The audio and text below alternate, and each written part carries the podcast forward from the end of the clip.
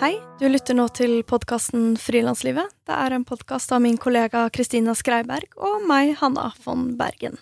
Vårt mål med denne podkasten er å være en faglig og inspirerende kanal for alle dere som jobber for dere selv i medie-, kunst- og kulturbransjen.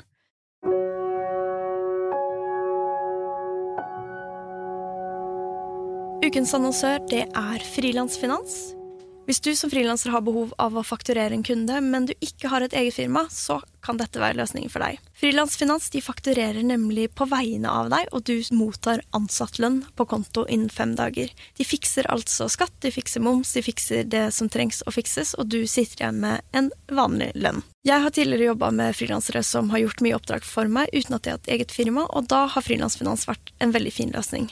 Gå inn på frilansfinans.no Lag deg en konto i dag. Det er gratis og helt uforpliktende.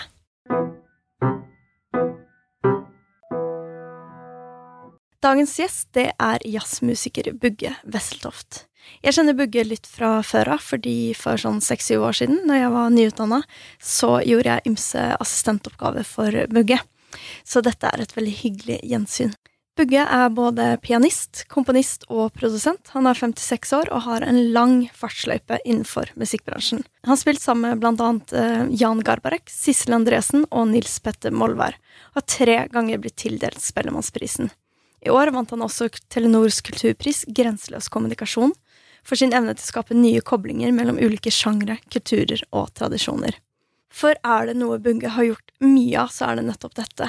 Han er en forkjemper for samarbeid på kryss og tvers av kulturer, sjangre og uttrykk. Det er nesten vanskelig å favne om alt han gjør og har gående, da han har gitt ut over 30 album, og hans plateselskap, som han startet i 1996 kalt Jazzland Recordings, har utgitt over 150 album.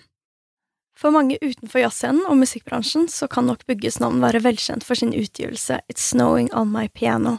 Platen den er solgt i over 160 000 eksemplarer, og Bugge spiller årlig utsolgte julekonserter i Oslo konserthus.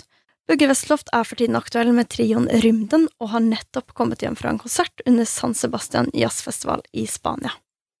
Hei, Bugge. Hei, Hanna. Hallo. Hyggelig å ha deg her. Takk. For de som ikke kjenner deg så godt, kan du fortelle litt om på en måte hvordan du kom inn i det med improvisasjon, og hvilken rolle dere som har i din musikk? Ja, det har veldig stor rolle. Det er nesten hele min musikk er basert på det. Det er jo, Faren min er jazzgitarist, så jeg vokste opp med å høre på sånn musikk på jazzmusikk. Og så har jeg hadde jeg et piano hjemme som jeg spilte på alltid. Og, så, og jeg har aldri lært, lært, å spille, jeg kunne egentlig ikke noter eller før jeg lærte meg det sjøl. Sånn at eh, det var helt naturlig for meg egentlig bare å spille i vei. Jeg skulle, sånn ettertid skulle jeg virkelig ønske jeg hadde kunnet spille liksom, noter og kunne spilt klassisk musikk. Det er så fantastisk mye fin musikk. Men jeg tror at jeg også har at jeg kan sette meg ned og bare spille noe. Da. Det er jo nå er jo det i endring. Det er masse klassiske unge musikere som improviserer. Kjempegøy. Men mange også er liksom Hvis du tar bort noten, så er man helt Livredd. ja. og det, det, det, er helt sjokkerende. Jeg er helt omvendt. Hvis får, noen setter en note foran meg, så blir jeg livredd. Blir jeg sånn for jeg blir så redd for å spille feil. Hvis jeg ikke har noen note, så er man, spiller man ikke feil i, et, i for seg. Sånn at, så det har vært en veldig stor del av mitt liv. Så men når jeg, altså, når jeg bestemte meg på et eller annet tidspunkt for å bli musiker, det var vel i 3-84, da ferdig med videregående og visste ikke helt hva jeg skulle. Så begynte jeg bare å spille med noen folk, og så blei det liksom mer og mer. Så bestemte jeg meg til slutt for å prøve å leve av musikken. Og da var det jo ikke i mine tanker at jeg skulle kunne klare å leve av jazz. Altså da, da var det Målet mitt var å liksom kunne Ja, jeg flytta til Oslo, at jeg skulle kunne klare å, å livnære meg av å spille. Så jeg spilte med alt, alle mulige typer musikk og alt mulig forskjellig. Men så liksom satt jeg hjemme og holdt på med jazz og lagde min egen musikk, og, og så etter hvert så kom jeg liksom litt inn i miljøet og møtte folk, og så var det et slags sånn gjennombrudd. 1990, da jeg fikk spille først med Arl Andersen og så med Jan Garbarek, og det hadde jeg ikke møtt de engang før da. Mm. Aldri. Jazz var veldig out vet du, på 80-tallet. Alle hatet jazz. I, i 19, så når jeg flytta til Oslo i typ, og jeg var mye her fordi at faren min bodde her, og vi var på Klubbsju og Jazz Alive og alle de flotte stedene allerede fra slutten av 70-tallet. Men når jeg flytta til Oslo, så var det liksom sju-åtte jazzklubber, og bare to-tre år seinere så var det bare to igjen, liksom. Så sånn det var litt langt nede der. Men, eh, men eh, så møtte jeg de eh, Arild og Jan, da, og flere andre, Terje Rypdal og ja, Nils Petter Molvær og så videre. Så plutselig så gikk det opp at, at, at de faktisk levde av å spille jazz. At det gikk an. Altså. Og på et eller annet tidspunkt på 90-tallet så, så, tok jeg det valget. Jeg tror det var 93 eller sånt, 94, så, så begynte jeg å lage musikk til tenkte jeg, at jeg skal gi ut en plate. Jeg fikk penger, tror jeg. 30 000 fra et eller annet. På Kassettavissfondet, som det het. Og så gjorde jeg det, og lagde først musikken, selvfølgelig, holdt på med den. Og så bestemte jeg meg for å starte mitt eget plateselskap. Og så øh, bestemte jeg meg når plata kom ut, at nå skal jeg satse på faktisk jazz og være min egen leve Det var målet. Det var målet om å få gitt ut en plate i ti land og kunne selge 2000 plater i hvert land. Eller 1000 plater i hvert land, ja. Jeg skulle selge, kunne selge 10 000 plater og spille konserter i ti land. Det var liksom, mm. det var min uttalte ambisjon, da. Så det har jeg i og for seg klart, da, men det var øh, jeg hadde mulighet til det, for jeg hadde ikke så mye gjeld og sånne ting, men det, det, det krever en, en, tanke, tror jeg, å gi ut, gi ut uh, noe sjøl. Mm. Og våge liksom, Bare det også å våge å, å, satse på det. Våge å stole på at det er, at det, er det det er, liksom. At det er, det er, jeg satser på dette nå. Jeg skulle ønske flere gjorde, egentlig. Skjedde det noe i deg når du på en måte tok det liksom valget at jo, men det er det her jeg vil, jeg satser, og nesten gikk enda lenger med å på en måte sette opp en veldig sånn tydelig ambisjon? Ja, altså det var jo det også at jeg startet mitt eget plateselskap, da, for å være sikker på at man skulle få ordentlig liksom gjøre det maks det var mulig, uh, for, å, for, å, prøve å nå min ambisjon, da. Så det var nok et, Jeg tok liksom et sånt reelt valg. Det tok jo noen år å etablere, fra jeg starta det som het New Conception Jazz da, i 1996. Så kunne jeg, kunne jeg leve av det. Jeg betalte alltid musikere og sånn, men, men, jeg klarte også å tjene penger på det sånn fra 99 og utover. Plutselig så løsna det, så begynte vi å spille masse i Frankrike. Og, så, og det tok liksom tre år, men det var eh, Jeg tvilte ikke og sånn, altså. Sånn, uh, mm, jeg tvilte ikke på det. Jeg tenkte at det skulle gå bra. Uh, så det Jeg tror man må ta sånn, av og til sånne valg. Altså jeg tror, for eksempel I dag da, så er det utrolig lett å gi ut plate. At alle kan jo gjøre det. Det kommer jo egentlig ut altfor mange, mange altfor mye musikk. Det er altfor mange artister. Det er, alt for, det er jo altfor mye. Og jeg tror at de, Men du ser at de som lykkes og Nå snakker jeg ikke om å liksom bli popstjerne, eller noe sånt, men de som lykkes og klarer faktisk å reise rundt og spille konserter og leve, liksom selge litt plater og ha et publikum, da, det er de som våger, tar, sier, våger faktisk å uttale at ok, jeg, jeg tar sjansen på å prøve dette nå, satse på min egen musikk. Det, det syns jeg, synes jeg folk skal klappe for. Mm. Veldig enig. Hvis vi skal snakke litt mer om improvisasjon, så er det jo eh, noe som kanskje er vanskelig å beskrive, fordi det jo er improvisert. Kan du prøve å liksom forklare liksom følelsen, eller hva som gjør at det eh, ligger så nært ditt hjerte? Jeg har prøvd å sette ord på det. Jeg har prøvd liksom, jeg har vurdert av og til å søke sånn uh, Skrive en sånn avhandling om det, om hva er improvisasjon. Og, for det er jo en veldig sånn flyktig ting for mange. At uh, man setter seg ned, for eksempel i jazz, da, så, så kan du si at hvis du kan ta sånn standard, så spiller man en sang, og så skal man improvisere på den sangen.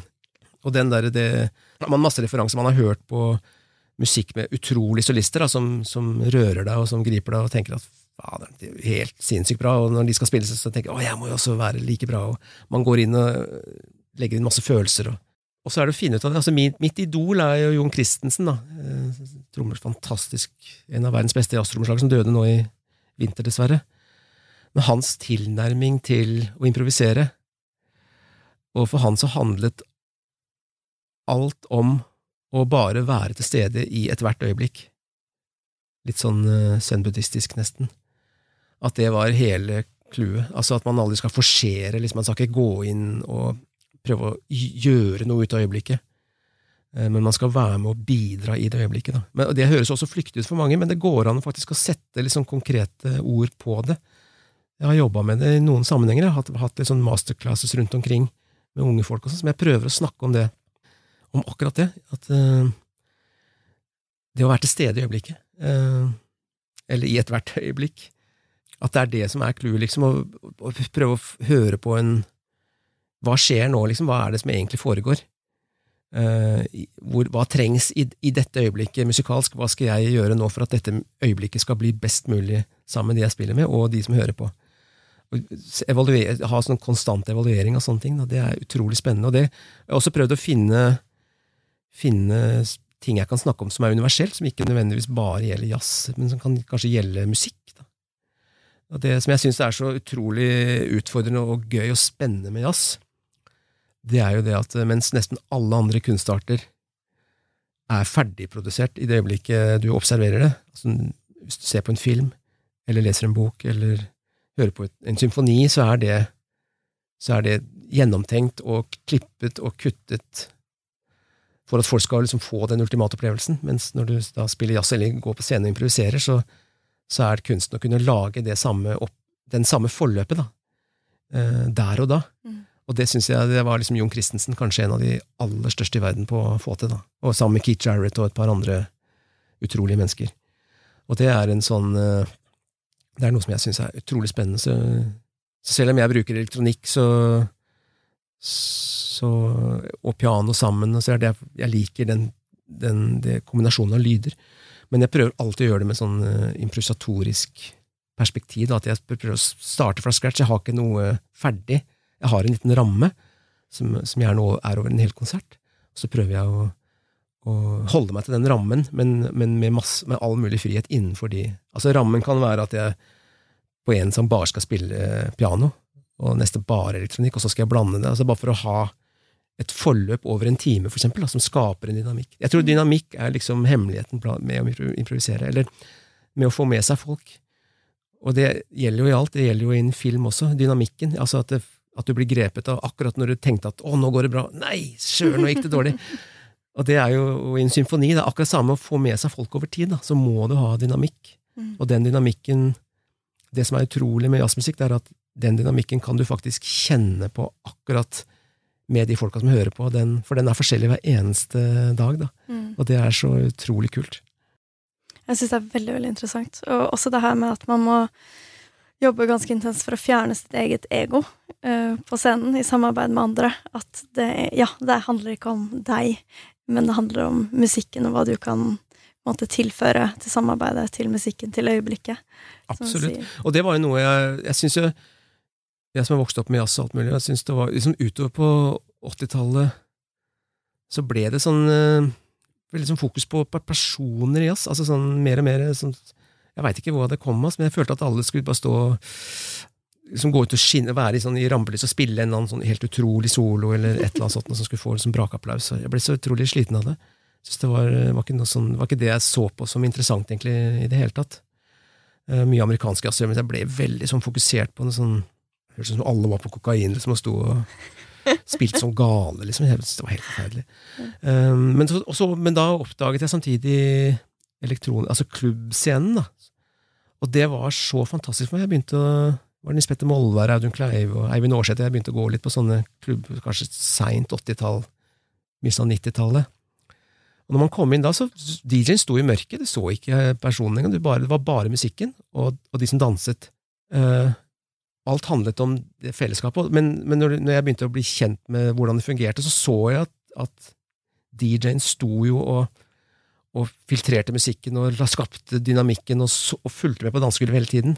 For å få folk liksom opp i ekstase og ned igjen. Og det var så utrolig deilig, det var så befriende, for det var ikke en sånn stjerne som sto og holdt på. Så, nå er selvfølgelig også den elektroniske musikken blitt sånn. Ja, nå står de og vifter med et eller annet foran laptopen sin og på en scene. Og Irriterende nok. Jeg syns det handler om det, Musikken handler jo bare om, eh, om energien som er der, og de som opplever det, og det man klarer å skape sammen. Mm.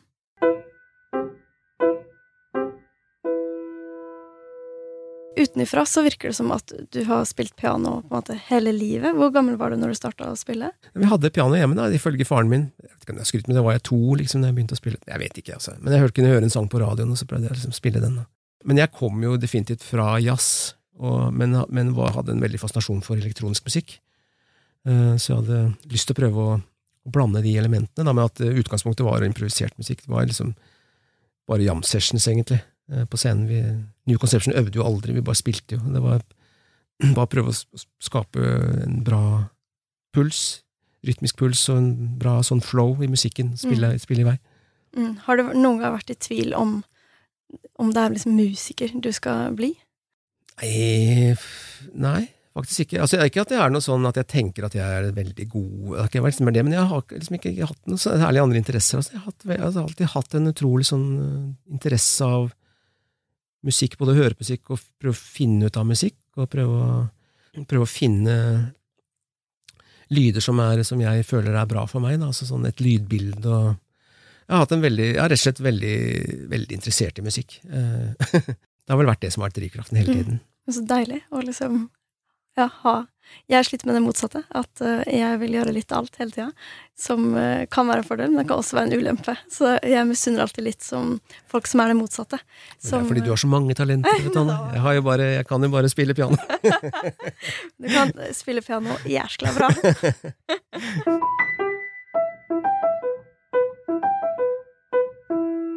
Fordi jeg leste litt om Eh, din soloplate, 'It's Snowing On My Piano', eh, som ble nevnt i introduksjonen, det har blitt en veldig stor suksess med over 160 000 solgte eksemplarer og utsolgte julekonserter hvert år.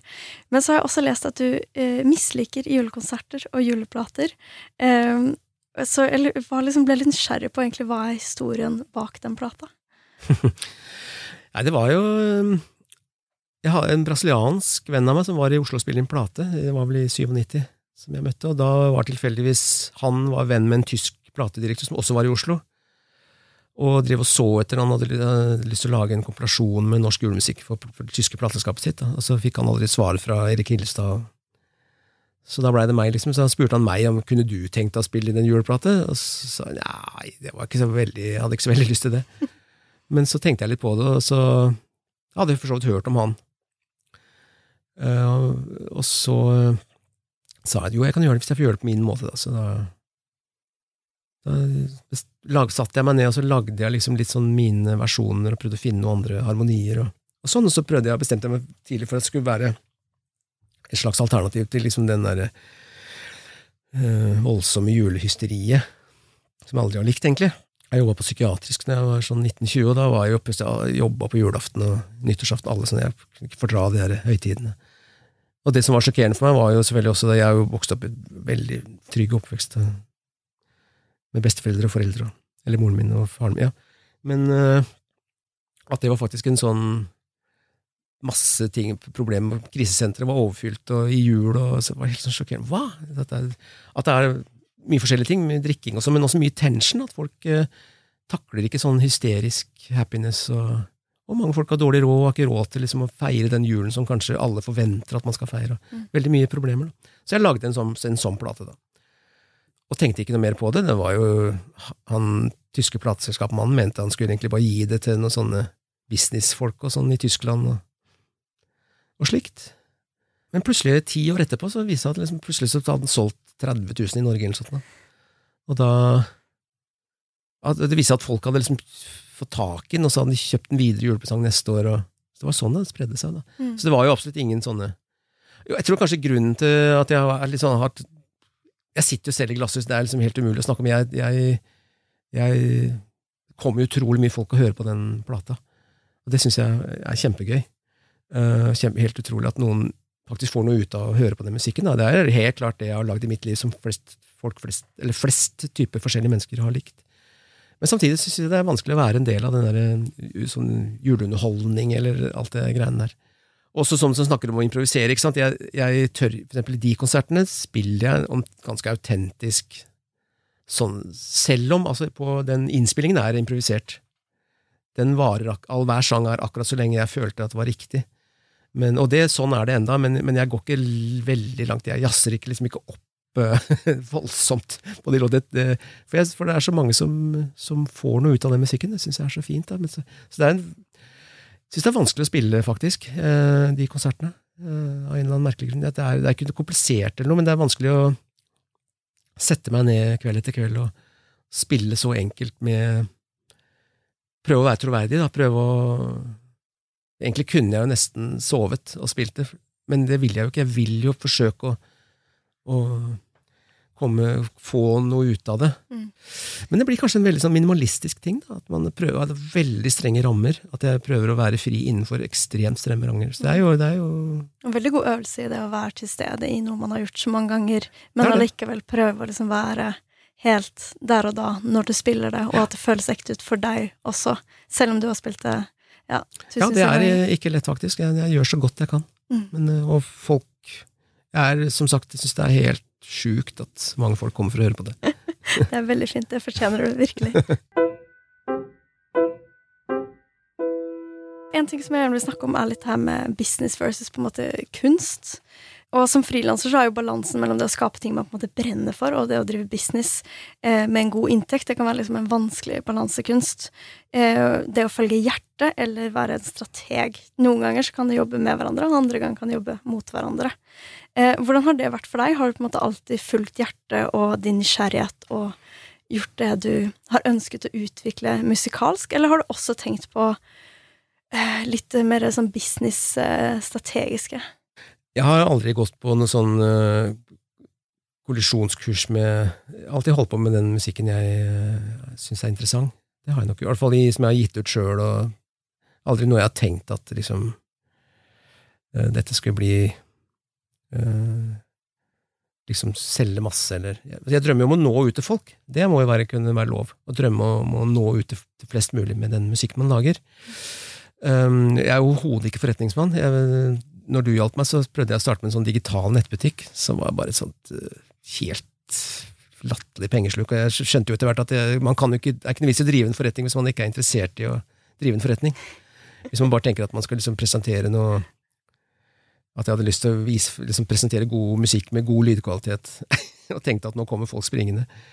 Sånn er jo ikke verden. Altså, det er jo en, eh, men jeg, har, jeg beundrer Jeg tror at den symbiosen med altså, hvis, At folk som har, er kreative, at man kan alliere seg med noen som har en teft, da, som er gode på å drive business, så tror jeg det er jo en eh, flott kombinasjon.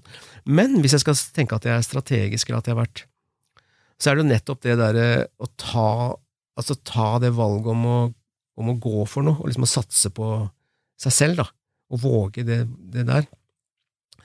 Igjen så, så jeg syns det er eh, Jeg forstår musikere, for eksempel. Jeg kan bare snakke for musikk, jeg kan ikke snakke for kunst, men jeg forstår musikere som, som Og med de støtteordningene som vi har i Norge, så får man jo ganske små beløper. Så man er veldig ofte avhengig av å kunne spille i en 10-15 band for å akkurat å få nok til å liksom holde det gående. Og så er det jo egentlig altfor få konsertmuligheter i Norge. Vi hadde en undersøkelse i Norsk Jazzforum for noen år siden, der norske jazzband spiller under ti konserter i Norge årlig. Mm. Og det er jo et veldig kjempeproblem, altså. Um, så, og da gjør det det enda verre, og det å skulle våge å satse på at nå liksom, nå kjører jeg, altså nå prøver jeg dette her i tre år og satser på min egen musikk. Og alle lykkes jo ikke heller, selv om det er god musikk. Um, men, men, jeg har veldig tro Hvis du ser på de som lykkes, da, de som virkelig får seg et navn, om det er Nils Petter Molvær eller i og for seg meg, eller Esbjørn Svensson-trio, som Dan og Magnus spilte i før rymden. Esbjørn døde jo tragisk dykkerulykke for elleve år siden nå. Mm. De, de, bestemte seg jo, de 94, for å bare spille som trio. De spilte ikke med noe annet i 20 år, og var vel i ferd med å slå igjennom som et av verdens mest kjente jazzband når Esbjørn tragisk døde. da. Og et av resultatene var jo at uh, Dan og Magnus ble stående fullstendig på bar bakke. De, hadde, de måtte selge hus og hjem. og wow. De hadde ja. ingen inntekter. De, hadde, kjente ingen lenger. De hadde, de hadde bare satsa på det. Gambla på at den trioen skulle bli best, liksom. Og mm. de var jo i ferd med å lykkes, da. Så det er noe med å Ja, det å, å En ting er å, ja, å vise publikum liksom her, her kommer jeg med min musikk. Våge å komme med det, og også, men også arrangører og festivaler. tenke på alle de, altså Det er jo arrangørfestival, de får jo altså Det er så mange band som sender demo, som sender plakat, og kan ikke vi spille hos dere? Og vel, vel, så er i hvert fall i jazzen, veldig mange av de bandene så er det de samme menneskene som går igjen i alle bandene, og det, det tror jeg er problematisk. altså. Hvilke, hvilke, av de ti bandene skal vi velge? Og Jeg husker selv at jeg, jeg kom opp i de situasjonene, for jeg hadde jo egentlig Jeg har ikke sånn at jeg har, jeg har ikke 100% bare spilt med meg selv. Jeg har jo vært med noen andre, Arild Andersen for eksempel, og noen ting som jeg syns har vært gøy, men også noen som jeg prøver å hjelpe litt. Men jeg har, de, nesten hver gang jeg gjør det, så kommer jeg opp i en ofte dum situasjon at nei, jeg ser du har lyst til å spille på den festivalen med, med ditt eget band, da, men jeg ser jo at vi har også fått tilbud med det bandet som du også er med i.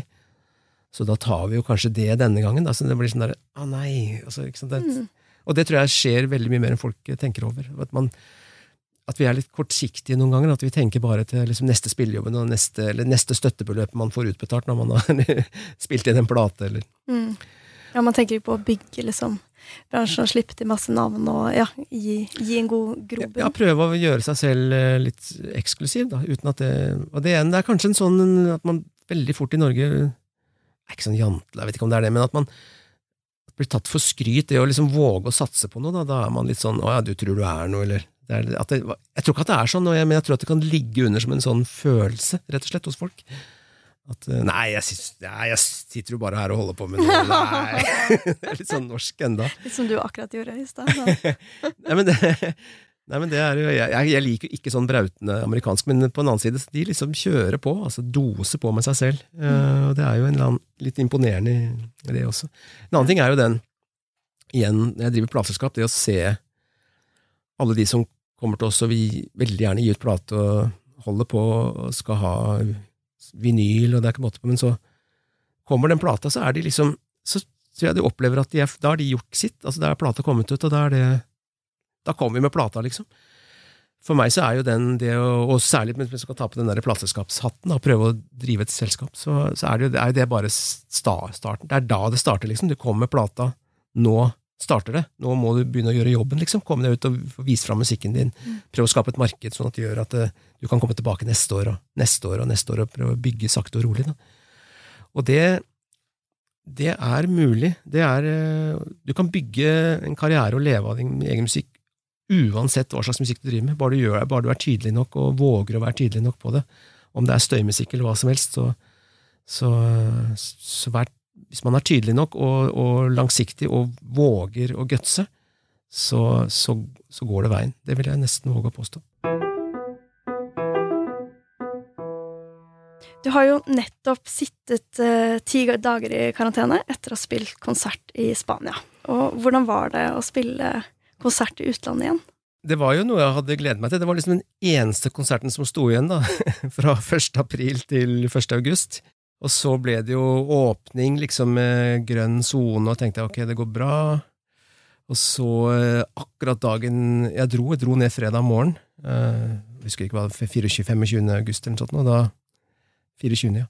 Den dagen ble det, ble det rødt, altså jeg måtte i karantene. Så jeg hadde litt uh, problemer på hjemmefronten, fordi at faren min ble operert og brakk hofteben og skulle hjem fra sykehuset. Det ble mye krøll, rett og slett. Um, så jeg syns det var uh, Jeg er veldig glad i San Sebastian. Det er et fantastisk by.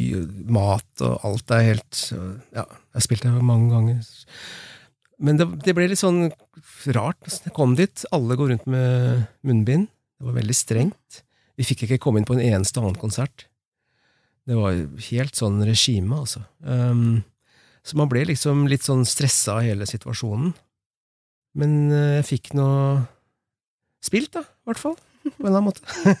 vi fikk spilt, og vi spilte ok og sånn. Altså, de jeg tror de var glad for at vi Jeg tror det var bare en tysker av oss som liksom kom, som var eh, ikke-spanske.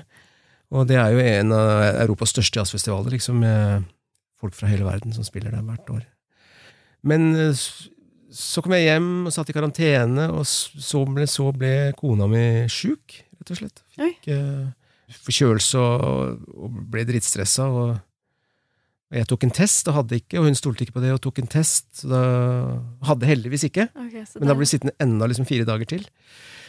Og da kom, begynte jeg å tenke på den situasjonen at tenk om jeg, på grunn av at jeg absolutt ville spille en konsert i utlandet, smitta noen andre folk, da.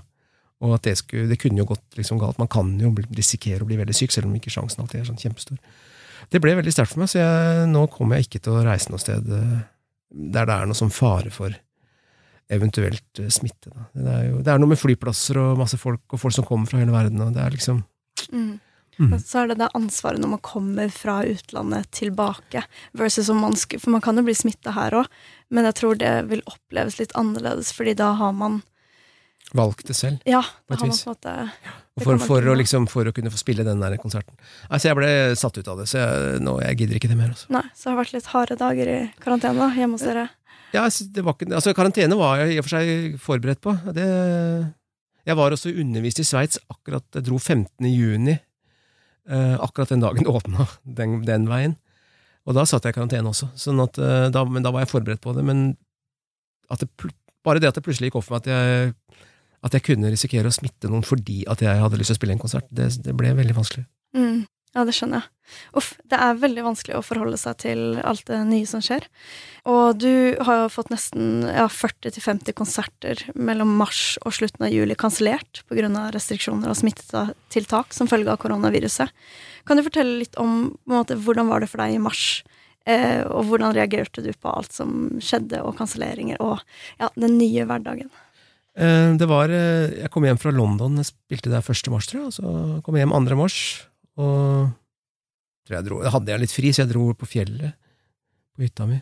Men så skjønte jeg etter hvert at uh, for det første at jeg, at jeg måtte jo være i karantene. det var den ene ting. Og så etter hvert så fikk jeg ikke lov til å være på hytta heller, så jeg måtte dra hjem igjen. så, og så gikk det bare slag i slag. Og så Jeg var der sammen med noen venner av meg som driver nattjazz i Bergen, blant annet. Og, de bare så liksom Eh, Vossajazz ble avlyst, eh, og så videre. Og så hadde de selv uh, Nattjazz i Bergen, var vel i, slutten av mai. Og så bare, jeg tror jeg bare løpet av de dagene så var det sånn Nei, nei. bare avlyse. Bare gi, gi opp. altså, vi skulle, Rymden skulle kommet med en ny plate nå i juni, og vi hadde jo lagt opp en ganske stor turné i det hele tatt. Og ja, alt bare forsvant. Første tiden så faktisk så, så, så ble jeg, var jeg litt glad, fordi at vi spilte så innmari mye i fjor. Og, øh, og så spilte vi en ny plate liksom i slutten av januar. Så, vanligvis har jeg, så har jeg prøvd å ta meg et par måneder fri i januar og februar, bare for å komme til hektene og få lyst til å spille igjen. Og så rakk jeg ikke helt det det året. Det ble liksom mye styr da òg, og mye jobbing. Så jeg, jeg må innrømme at jeg hadde Jeg gleder meg til å spille, men jeg gleder meg ikke til de, all de reisinga. Og jeg, mest fordi at jeg syns det er så mye ineffektiv tid når man er ute og reiser. Altså den, Fra morgen til kveld så man, står man i kø et eller annet sted, skal inn på et fly, ut av et fly, vente på et eller annet. Reise med tog altså, men du er, Av uh, at du er, du er, effektiv Du spiller konsert uh, par timer om dagen, da. Men mm. alle de andre som jeg, jeg, elsker jo egentlig også å sitte og pusle litt. Og, I hvert fall sånn, ikke alltid, men, men jeg, hadde, noen perioder så har man jo behov for det. Så jeg ble, ble litt glad, uh, for jeg tenkte jeg ah, søren, kan jeg begynne å øve litt. og få tilbake lysten på liksom å komme meg videre musikalsk. Og slik, så det har vært ålreit, men, men jo, etter hvert så ble jo det savnet etter å spille for noen. Det er, jo, det er jo det jeg oppfatter som eh, essensen av det jeg driver med, det er å framføre noe for noen, mm. og ikke minst fordi at jeg føler at det er liksom den kjemien mellom det som skjer på scenen og salen, eller de som hører på, hvis man klarer å skape noe sammen, så er det det som er liksom essensen av, av min musikk. Eller mm. den, ja, det man genererer sammen med de som opplever det. Hvordan ser du på fremtiden for musikkbransjen, og på en måte for muligheten til å leve av det å være musiker? For du har jo vært i gamet veldig lenge, og musikkbransjen har vært igjennom en veldig sånn omveltning eh, i forhold til ja, hvor man får inntekter fra, og hvordan egentlig man selger plater og musikk lyttes til. Kan du beskrive litt sånn om de endringene, og du, hvordan du ser på fremtiden? Altså Tenk på noe i forhold til korona? Ja, eller kanskje mer også sånn i forhold til det da alt legges opp gratis. Mm. Platene ja, lanseres på Spotify. Ja. Nei, jeg, jeg, jeg, tror Først så tror jeg at korona går òg. altså Det kommer jo vi, i løpet av i hvert fall i løpet av neste år så kan, kan vi være tilbake igjen. Og da er det vel kanskje de som har orka å holde ut, da, som, som, kanskje får en sjanse til å spille igjen. Nei, det er jo voldsomme endringer, men det har jo vært, har jo vært sånne endringer egentlig i alle Altså, jeg husker, var det, når, det var jo en voldsom motstand mot når eksempel LP-platen kom og sånn. altså sånn, Eller vokserullen, for den saks skyld. Da skal man spille musikk, da ta, forsvinner altså Dette er jo 100, over 100 år siden, da, ikke sant? Mm. Forsvinner inntektene til, til, til, de som spiller konserter, og skal folk bare sitte hjemme og høre på en voksrull? så det har vært en sånn evig greie, det der. Men det har jo alltid Altså, er jo, er jo Interessen for musikk har jo aldri vært større enn nå, så det er jo fordeler og bakdeler. Jeg syns det er fantastisk nå at man kan sitte og lage musikk hvor som helst i verden, og, og komme fram med det, det, det syns jeg er en utrolig ting. Og jeg syns også den, den, inspirasjonen med at man kan høre musikk til, på et tastetrykk som man aldri kunne fått tak i for, for bare ti år siden. Også helt utrolig. Det er så utrolig mye bra musikk som skjer overalt i hele verden, liksom. Det er helt rått. Og det er veldig gøy. Um, en annen ting er jo at nordmenn har aldri brukt så mye penger på musikk de årene her, etter Spotify, som, som, som de har brukt noen gang. Fordi at eh, er, jeg vet ikke, er det borti halvannen million nordmenn som er på Spotify eller på strømmetjenester, mm. som betaler 100 kroner måneden, eller mer, for familie. Så musikk har jo Altså, det første store skillet kom jo fra, fra vinylplate til CD. Det var jo da musikk ble en stor business, og det var da alle såpeselgerne og corporates begynte å komme inn i musikkbransjen. Før det så var det jo primært en bransje for folk som var ganske interessert i musikk, og veldig mye lydstudioer som hadde plateselskap som en sånn bigreie til lydstudio.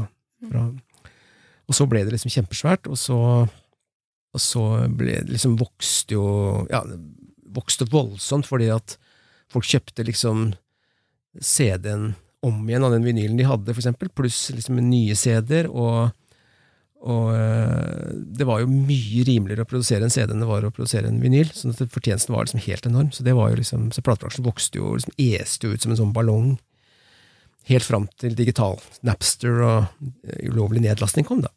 Så nå er vi med Spotify. Men altså, faktisk så, så, så bruker nordmenn mer penger enn noensinne på musikk.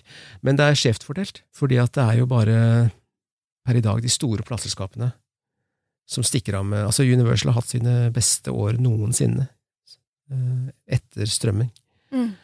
så, det er, eh, så det er en veldig nokså urettferdig og skjev fordeling. Eh, på strømmetjenester så tar jo de 25% mest spilte artistene deler 75% av inntektene. Så, så det, er jo, det, er jo, masse sånn urettferdig som, egentlig, som jeg ikke kan forstå at, de, at verken vi godtar eller at, vi, at ikke folk gjør noe med. For det er jo mangfold som driver uh, også musikken videre. altså Eierne av Google er jo liksom verdens rikeste mennesker. Det er de som har profitert på at, at uh, unge mennesker uh, legger ut kunsten sin for å komme seg fram. Liksom. Så det er en veldig vanskelig tid, syns jeg. Veldig urettferdig um, Og noen skoer seg voldsomt på andres kreativitet. Men sånn har det kanskje egentlig alltid vært. Altså. Dessverre. Ja.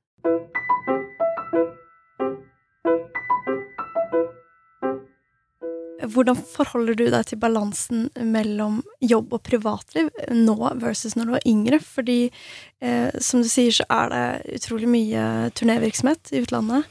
Og ganske intensivt. Mye reising. Eh, på en måte Har du et annet forhold til det å turnere og det å komme hjem nå enn når du var yngre? Nei, det henger i. altså Den dårlige samvittigheten man hadde når man hadde var for mye ute og spilte. Og det henger jo i fremdeles, det. Dessverre det er jo en, eh, det er jo en egoistisk ting, kanskje, å være omreisende musiker og være kunstner. Altså, det går jo utover andre mennesker. Så um, det er mye ting jeg skulle gjerne sett ugjort. Men uh, ja. Det er vanskelig å snakke om, nesten. Men uh, men det er det jeg kan. føler at Jeg kan. Jeg hadde, jeg hadde liksom aldri noe annet jeg kunne drive med. Jeg, jeg vet ikke hva jeg skulle gjort. Altså, fall, var, jeg var utrolig, var utrolig opptatt av av musikken, men også selvfølgelig det er denne egoet der du kjente at du hadde liksom til lykkes, og, og mye vil ha mer, og da ikke sant, og det, du vil ha en eller annen arrangør som kan ikke få til den konserten, også, så, så vil man det. altså. det er utrolig vanskelig balanse, syns jeg, men det tror jeg ikke bare er for meg, det gjelder vel for Nei, Det tror jeg veldig mange som hører på, kjenner seg igjen i, og ikke ja. bare som musiker, men i så mange um, hva skal man si, frilansyrker hvor ikke jobben er bare lagt opp mellom ni og fem og man går gjennom ulike kreative faser, og det er en periode hvor det er veldig intensivt. At man kommer i en sånn skvis mellom eh, hva skal man si, mellom sitt privatliv og sitt uh, profesjonelle liv. Mm. Uh, tror jeg er veldig fort gjort. Ja. Mm. ja. Det var en veldig dyster note å ja. slutte på. Men det var veldig, veldig fint å snakke med deg. I like måte. Tusen takk for at du kom hit. Takk.